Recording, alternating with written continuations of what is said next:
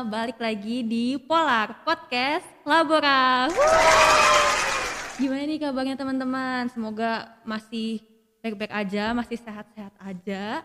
Nah, untuk episode hari ini kita mau um, agak membedah dikit nih tentang dunia entertainment mungkin. Nah, karena hari ini itu Polar mengundang salah satu guest yang aduh siapa sih yang nggak kenal sama uh, guest ini? Ini dia Kak Vanka. Halo Kak Vanka. Bisa diperkenalkan dulu Kak namanya terus juga umur. Hmm, halo, nama aku Teli Ivanka. Sekarang umurnya berapa ya? 17 kali ya? Wih, kelihatannya sih kayak 15 Kak. Oh, kayak 15. Iya. Uh, umurnya berapa tadi Kak? 21 tahun. Oh, 21 tahun.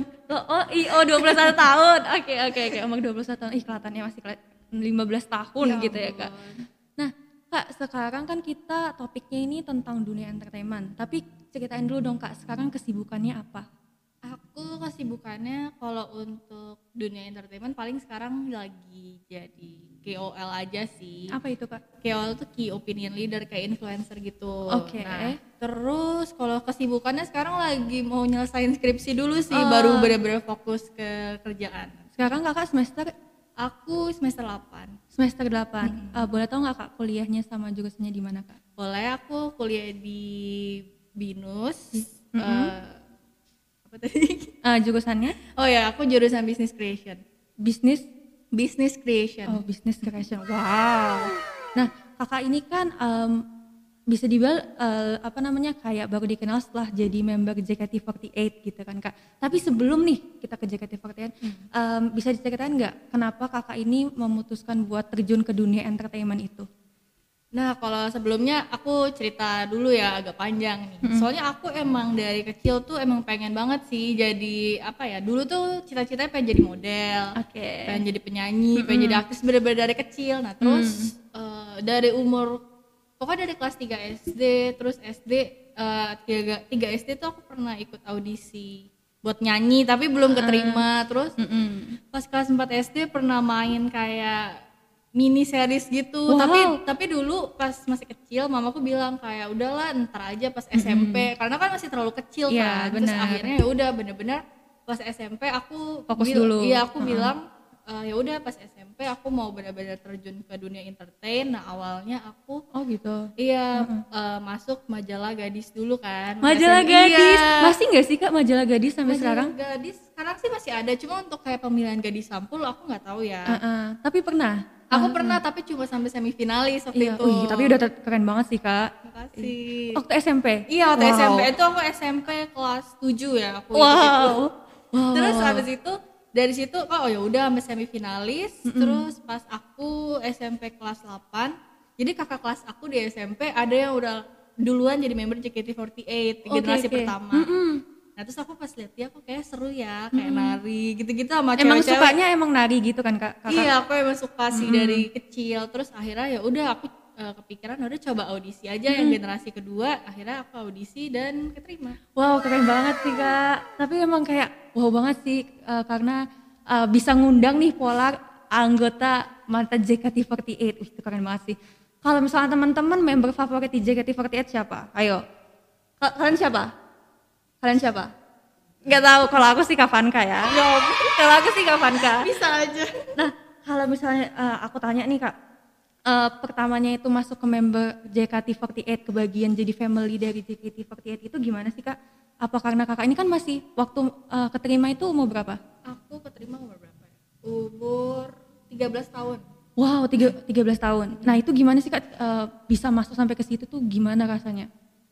Kalau caranya ya pasti pertama aku audisi dulu tuh kan bertahap bertahap bertahap eh lolos rasanya sih waktu itu kayak seneng banget karena kayak selama ini kan aku udah kayak ikut eh, audisi audisi tapi kayak belum sempet sampai yang lolos kan. Tapi pas kali ini lolos tuh kayak oh gini ya rasanya kayak eh, lum- baru apa ya bukan berhasil sih kayak bisa lolos audisi terus bisa apa ya pokoknya waktu itu rasanya seneng sih. Tapi waktu umur 13 tahun itu sesuatu yang kayak bikin kakak bebani nggak sih kak? Karena karena umurnya kakak masih kecil gitu. waktu awal masuk sih jujur aku kaget Kaget. Aku kaget karena jadwal kerjanya tuh bener-bener kalau misalkan pekerja kantor kan ada 9 to 5 9 to 5, gitu kan. sedangkan kalau aku di umur aku yang kecil itu aku bisa kerja sampai pagi yang kayak gitu-gitu aku kaget banget sih. Ditambah lagi aku masih sekolah gitu kan. Sekolahnya tetap ini kak, seperti biasa. Eh, waktu aku awal-awal masuk JKT aku sekolah benar-benar kacau banget sih. Aku kan masih SMP tuh SMP Iya, kelas 2 aku tuh bisa nggak masuk tuh kayak sebulan kali karena benar-benar secapek itu Tapi semua orang tuh tahu kalau misalnya kakak itu nggak masuk sekolah karena ah, Tahu. tahu. Oh gitu. Oke oke. Terus kalau reaksi orang-orang tuh waktu dengar kakak bisa masuk ke JKT48 itu gimana?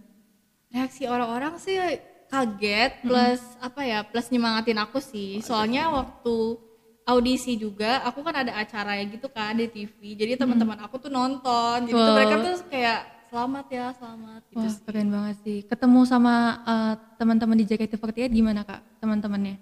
Hmm, pertama sih seru-seru ya karena kan cewek-cewek juga. Terus ditambah waktu itu kan generasi kedua kan. Terus Apa sih bedanya kak generasi pertama jadi eh, sebenarnya kayak sekolah aja. Kayak kalau generasi pertama itu tuh dia eh, masuk duluan. Kayak mereka tuh kalau nggak salah audisinya 2011 aku kan 2012 Wah 2011 udah lama banget ya kak? iya nah terus kayak ketemu mereka yang kayak udah duluan perform kayak apa ya kayak starstruck gitu loh kayak ya ampun gue bisa ketemu mereka gue bisa Kayak seniornya di iya kayak gue bisa jadi bagian mereka juga itu sih rasanya senang Wih keren banget sih kak. Nah sekarang kan posisinya kakak itu udah graduated dari JKT48. Ada nggak Iya. sih kak pengalaman paling berkesan bagi kakak selama di sana? Banyak banget sih Atau semua berkesan menurut kakak? Hmm, sebenarnya pengalaman aku di sana itu kayak naik turun, naik turun. Mm-mm. Tapi yang paling berkesan itu eh waktu aku kan eh, graduate. Nah, jadi tuh kalau di JKT itu ada yang bisa graduate atau yang emang bener-bener resign. Nah, aku kan memilih graduate kan. Jadi aku bisa apa ya istilah kayak punya konser rame-rame gitu. Oh jadi kalau misalnya setiap graduate itu eh, digelar konser gitu? Ya dan konser nah yang paling bikin berkesannya itu aku graduate sama teman-teman aku yang lainnya kayak jadi kita bikin konser bersembilan.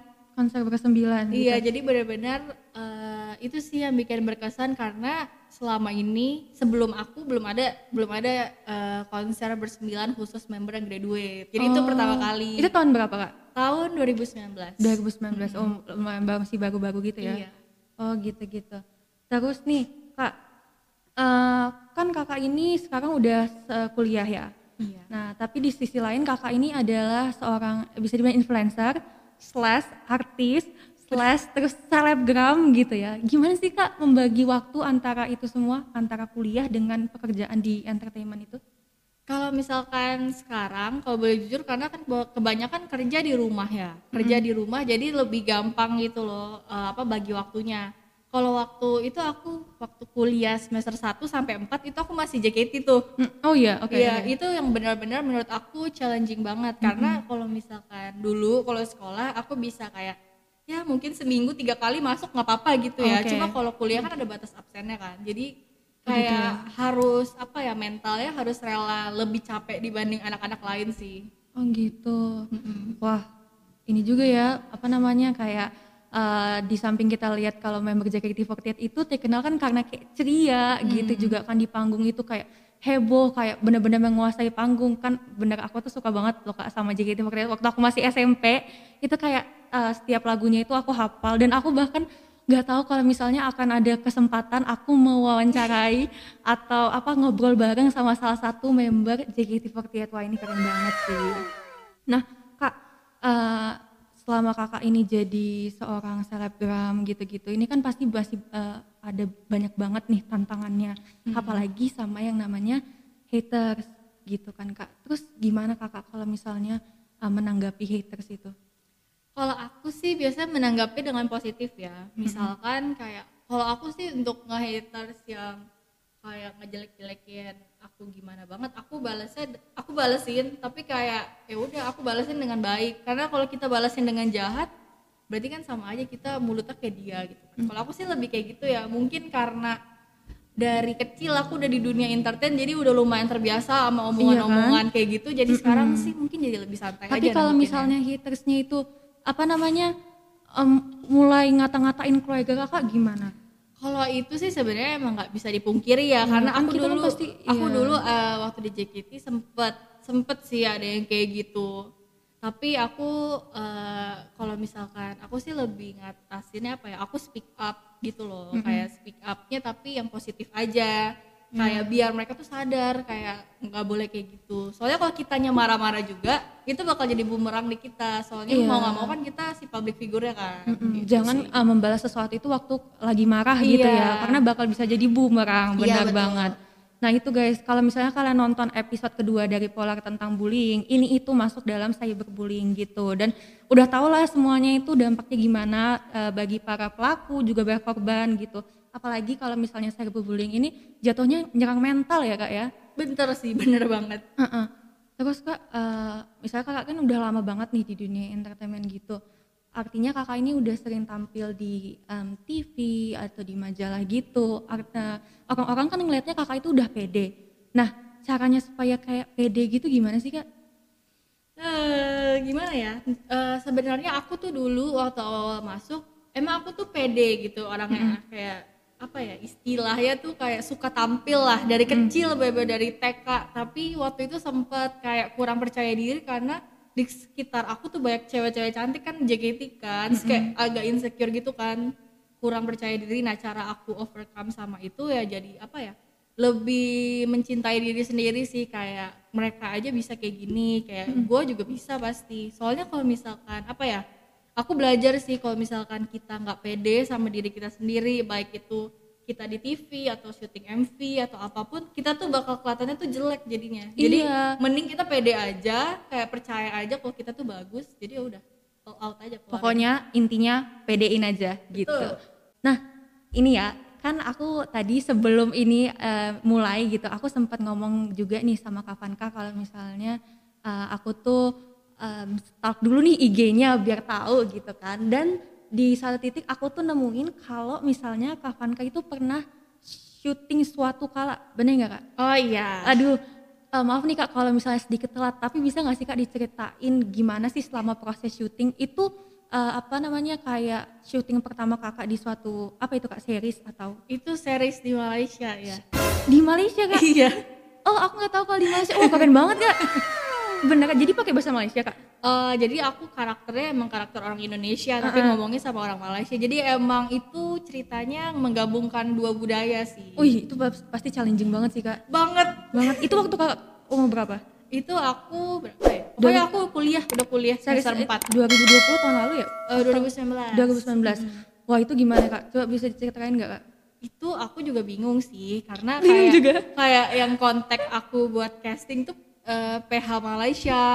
Jadi PH Malaysia ngubungin kakak gitu? eh, ngehubungin manajer aku Oh, kan. saya aku casting bener-bener castingnya pun online. Terus ternyata aku keterima jadi pemeran utamanya kan. Terus bener-bener langsung syuting ke sana kayak sebulan gitu kan. Mm-mm. pas di sana sih aku bener-bener apa ya karena sebelumnya tuh pernah pernah apa ya pernah main film kayak tapi tuh bukan apa ya bukan yang pemeran utama gitu. Kayak ya udah ya kayak misalkan satu scene dua scene kayak gitu udah pernah cuma kayak bener-bener yang Ini kayak pertama main kali. karakter tuh pertama kali dan itu di Malaysia jadi Di Malaysia syutingnya? Iya. Wow keren banget. yang bikin uh, challenging itu kalau misalkan kita berakting kita kan harus tahu banget karakter kita maunya sutradara kayak gimana kayak gitu-gitu nah aku tuh harus memahami dengan bahasa mereka itu tuh kayak lumayan sulit ada nggak awal-awal ada nggak kakak ya kakak itu les dulu gitu loh maksudnya bahasanya les bahasa buat dua bulan mungkin supaya lebih lancar bahasa Malaysianya. Enggak sih aku enggak les. Nggak ada, soalnya oh. itu benar-benar semua secepat itu aku casting. Wow fast Dua- learner ya berarti aku kakaknya. casting dua minggu se- dua minggu setelahnya atau tiga minggu aku langsung ke Malaysia langsung reading segala macam. Kenapa sih kakak memutusin buat ngambil itu peran? Karena kalau aku ya aku personally itu emang orangnya suka hal baru yang oh ya menantang menantang. Iya. oke. Jadi kayak menurut aku kalau ada kesempatan gak kita ambil tuh sayang banget sih iya ya benar juga tapi kayak langsung d- di Malaysia gitu loh kak kayak kan main blowing banget kak Iya. nah aku kira itu tuh kayak salah satu series Indonesia gitu Hmm. kan yang ditayangin di TV-nya Indonesia dan ternyata itu di Malaysia Iya. gitu terus kalau di sana kayak em, momen paling berkesan deh menurut kakak ada nggak di wak- eh, waktu syuting di situ momen paling berkesannya itu eh, selama proses syuting sih karena apa ya di sana tuh tim-timnya baik-baik banget ternyata karena aku kan juga takut kan di negara asing terus sama orang-orang yang gak aku kenal tapi ternyata tuh mereka semuanya friendly dan apa ya kayak seneng aja sih punya pengalaman baru di sana Oke oke oke. Oke Kak. Nah ada nih satu pertanyaan yang aku personally yang pengen nanyain ke kakak Oke. gitu kan. Karena em, kakak udah lama di dunia entertainment, ini aku ngulang lagi karena beneran aku tuh sekagum itu sama Ah, kakak. makasih. Bener. Eh, kakak kan pasti udah sering namanya kayak stres, pasti kan karena dari kecil gitu. Coping mekanismenya kakak itu gimana sih? Coping mekanisme itu kayak cara untuk menghilangkan stres atau meredakan lah setidaknya mengurangi stresnya itu menurut kalau kakak itu gimana gitu? Kalau aku ya, per- eh, kalau dulu di JKT eh, kayak tiap hari pasti ada lah masa-masa kayak lagi stres, lagi gimana gimana. Kalau dulu tuh enaknya karena kita tuh bener-bener apa ya, teman-teman ceweknya tuh kayak teman-teman di sekolah yang gengan gitu aja. Jadi tuh pas nyampe ke sana tuh pasti moodnya naik lagi. Kayak school vibes gitu Iya ya. betul kayak gitu. Nah jadi kalau dulu tuh ya udah kayak ketemu teman-teman, udah ketawa gitu kan. Nah kalau sekarang aku lebih apa ya kayak kalau misalkan lagi stres pasti aku kayak cari kesibukan lain kayak contoh Pokoknya kayak udah kayak cari aja yang lain kesibukan biar nggak fokus sama masalah itu kan. iya contohnya aku suka nyetir sendiri Oh. kayak keliling-keliling Iya, iya, itu sambil tuh- dengerin itu- lagu Itu keren loh, itu keren loh. Kayaknya aku kalau misalnya punya masalah gitu, coping mekanisme salah satunya itu deh. iya soalnya menurut aku itu bener-bener apa ya Enjoy banget ya Iya, kayak jadi calm. enjoy banget. Mm-mm. Wah, Gitu sih. terus sambil dengerin lagu yang kayak eh, mellow atau enggak atau mau dengerinnya lagu JKT48 juga kak? enggak sih ntar aku joget di Eh, mobil iya. Karena kalau JKT48 itu eh, lagu-lagunya itu bikin semangat gitu ya, bikin Iya. kayak loncat-loncat Iya, gitu. Nah, terus itu kak eh, mungkin itu eh, salah satu coping mekanismenya kakak dan bisa juga coping mekanisme setiap orang itu berbeda-beda gitu. Selain itu kakak selain jadi di suatu kala itu, tadi judulnya apa ya kak? Satu, Tim- satu timun, kala timun mas timun mas itu Eh, pernah ini apa lagi kak? Hmm, apa ya? Aku sebelumnya cuma kayak kayak di satu scene satu scene itu doang sih yang keluarga cemara itu. Kan kamu nggak tahu kan?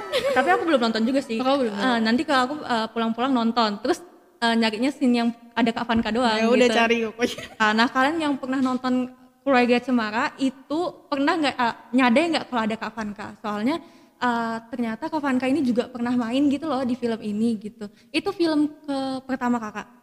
Em, bisa dibilang pertama mungkin ya, karena dulu JKT juga punya film, Film sendiri. dulu. Aku ada cuma kayak apa?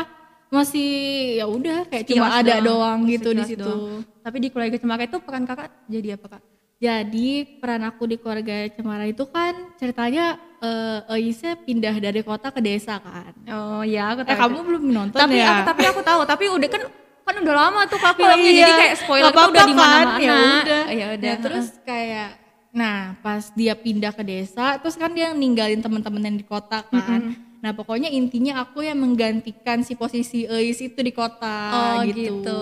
Jadi antagonis atau protagonis nih kak? Ya aku tuh bingung karena sebenarnya cuma kayak satu sampai dua scene doang sih. Mungkin protagonis kali ya. Karena kakak mukanya cocoknya protagonis sih kak. Kakak kayaknya belum pernah main apa di film jadi antagonis gitu pernah nggak kak? belum belum pernah. Tuh kan karena mukanya muka protagonis. tapi aku tuh bener ya kayak setelah eh, pokoknya sebelum aku keluar tuh sebenarnya sempet ada tawaran film gitu. Dan aku tuh selalu jadi karakter yang kayak sedih tertindas gitu loh. Kalau misalnya habis casting. Gak, gak pernah nanya gitu kenapa dipilihnya jadi yang mem, apa eh, peran yang tertindas gitu. cuma aku nggak tahu sih mungkin biasanya kan kalau yang casting director kan emang udah lebih tahu eh, apa ya tipikal muka. Mungkin aku tipikal mungkin muka- ya. Tipikal muka sad girl kali ya. mungkin. Oh gitu gitu.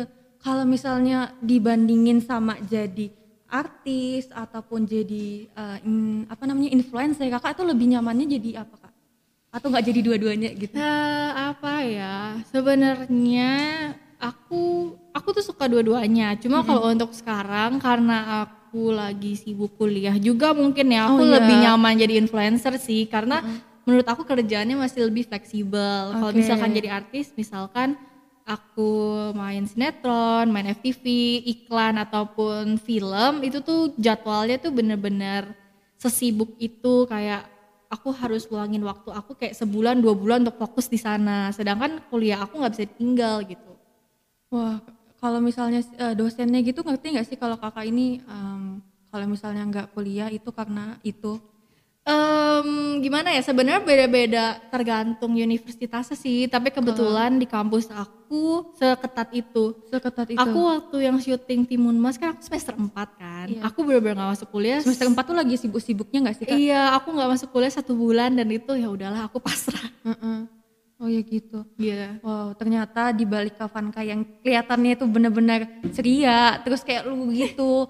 Ini perjuangan dari seorang Kavanka dari kecil sampai sekarang yang apa namanya dari kecil tuh di, dikenalin sama dunia entertainment sampai sekarang ini udah sesukses sekarang. Udah pernah jadi member eh, JKT48, udah pernah jadi eh, udah pernah main film, sekarang jadi influencer dan lain-lain gitu udah inspirator banget sih kakak. Terima kasih ya kak Makasih, udah datang di uh, podcast Labora episode keempat kali ini. Uh, mungkin segitu dulu teman-teman untuk apa membedah sedikit tentang dunia entertainment. Kalau kalian mau nungguin episode-episode lain, kalian bisa juga tungguin karena setelah ini uh, episode selanjutnya kita akan sama-sama berbincang ngomongin soal influencer lebih dalam lagi gitu. Jadi buat teman-teman yang punya saran untuk topik-topik selanjutnya, kalian bisa langsung aja DM ke Instagramnya podcast Labora gitu. Jangan lupa terus buat stay tune di YouTube-nya Podcast Labora, terus juga di Instagramnya Podcast Labora, dan tentu aja di Spotify-nya Podcast Labora, oke? Karena kita akan upload dua minggu sekali, jadi jangan sampai ketinggalan gitu teman-teman. Oke teman-teman, terima kasih udah mendengarkan podcast hari ini. Aku harap kalian selalu sehat dan jangan lupa bahagia. Dadah!